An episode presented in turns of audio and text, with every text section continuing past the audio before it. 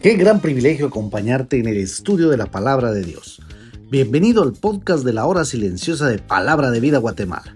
Descubriremos junto a ti los desafíos que Dios nos dará hoy a través de su palabra. Deseamos que hayas tomado un tiempo para leer con anticipación el pasaje del día de hoy.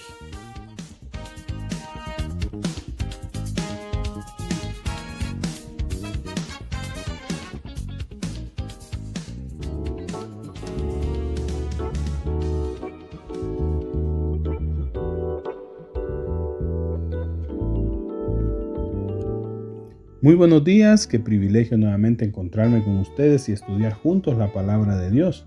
Nuestro pasaje para la hora silenciosa de hoy lo encontramos en Marcos 8, 11 al 26. Los primeros dos versículos, el 11 y el 12, los fariseos le piden a Jesús una señal del cielo.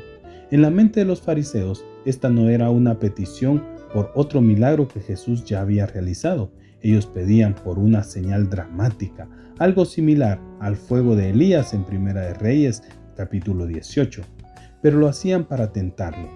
Este no era un encuentro amistoso. La palabra tentarle podría ser traducida como probarle.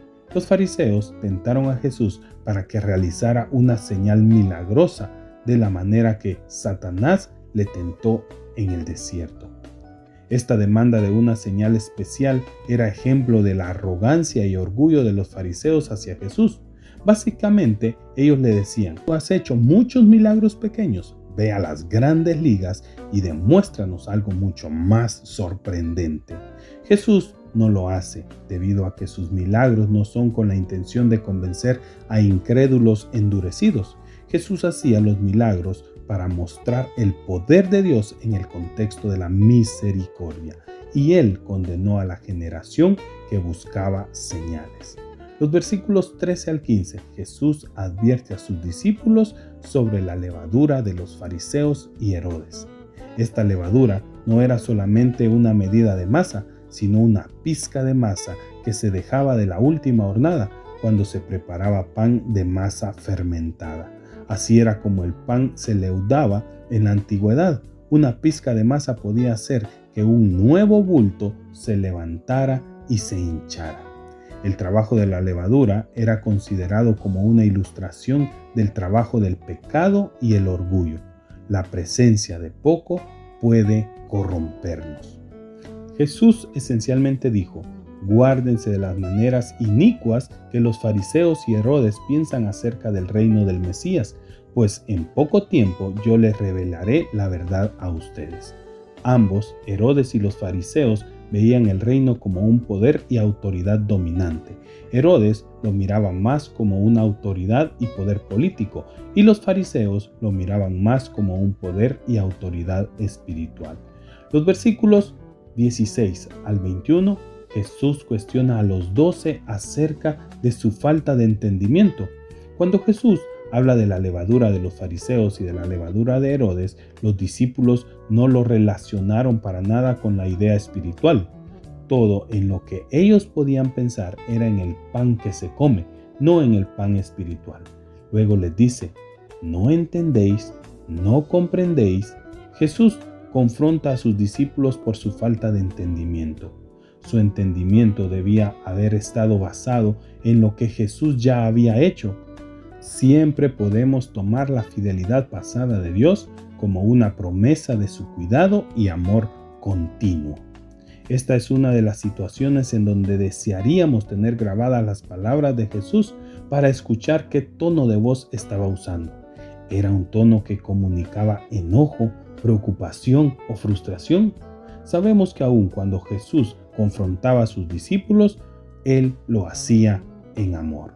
Por último, los versículos 22 al 26, Jesús le da la vista a un ciego y dice su palabra, escupiendo en sus ojos, le puso las manos encima. Es como si esto se hubiera hecho únicamente para separar los párpados. Como en ciertos casos de ceguera parece que estos siempre están engomados se requería de un milagro para restaurar la vista, y esto era hecho en consecuencia de que Cristo puso sus manos sobre este hombre ciego y se utilizó únicamente medios naturales al frotar con saliva sus ojos.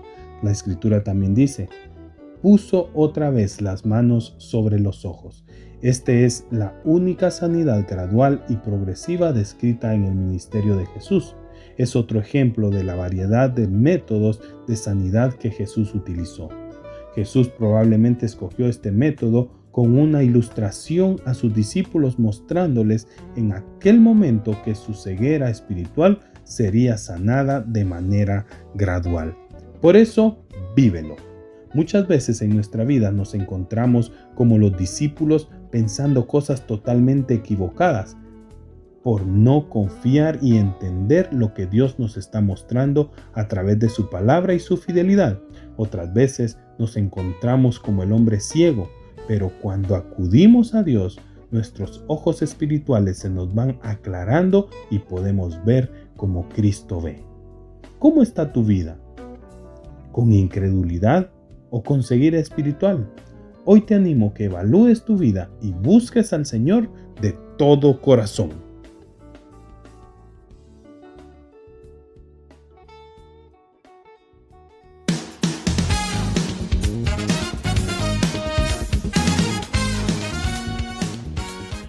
Es emocionante saber los tesoros que Dios tiene en su palabra para nosotros. Ayuda a tus amigos a que descubran la voluntad de Dios para su vida. Comparte este podcast con ellos. No olvides seguirnos en nuestras redes sociales.